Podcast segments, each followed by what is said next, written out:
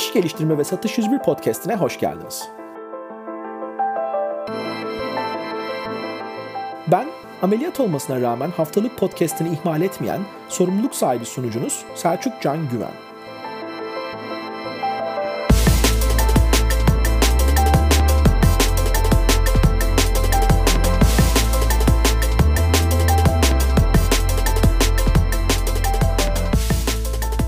Tekrardan hoş geldiniz. Geçen haftaki soru cevap bölümümüzde kısaca üzerinden geçtiğimiz bir konu vardı. Bazı satış profesyonellerinin satışın matematiksel altyapısına dikkat etmediğini söyledik. Hatta bu konuları okulda öğrenebilir miyiz diye de tartıştık. MBA yapmalı mıyım sorusuna yanıt verdiğimiz verimli bir bölüm oldu. Yalnızca 6 dakika dinlemenizi öneriyorum. Şimdi hazır bu konuya değinmişken satışın matematiksel altyapısı nedir? Veri temelli karar alma nedir? Bu nasıl satış 3.0'ı meydana getirir? Ve gün sonunda size daha fazla nasıl sattırır konularına en azından bir giriş yapalım istedim.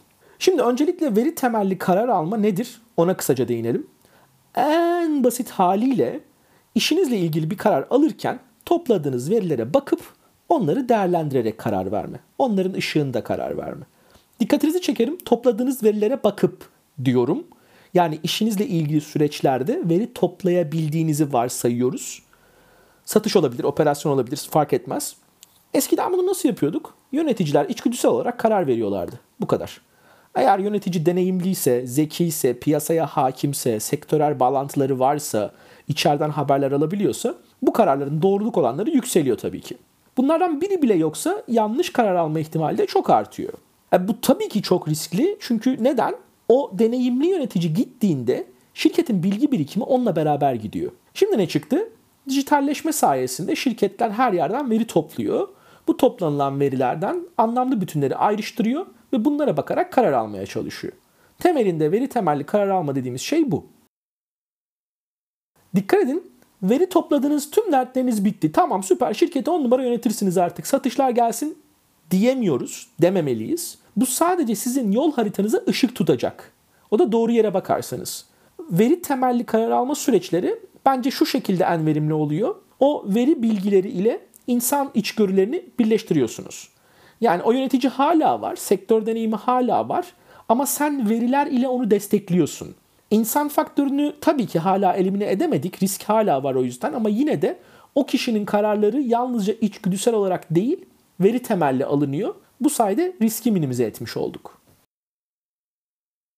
Temelinde ben bu bütün süreçleri ölçemediğin şeyi geliştiremezsin diyorum sıkıntıları, tıkanmaları, performansı görmeden nereye çaba sarf edeceksin? Ya biz zaten biz iş geliştirmeciler bu noktada çok muzdarip oluruz her zaman. Ee, gelir birisi abi ben satışlarımı arttırmak istiyorum. Eyvallah aç bakalım CRM'ini. Ziyaretlere, kapanma oranlarına, mevsimsel unsurlara, saha performansına bir bakalım. Ya işte bizim ekip tam tutmuyor CRM'i. Ee, e, e, bende de sihirli değnek yok ama. Bir şeyi geliştirmek için çok ince plan yapmak gerekiyor.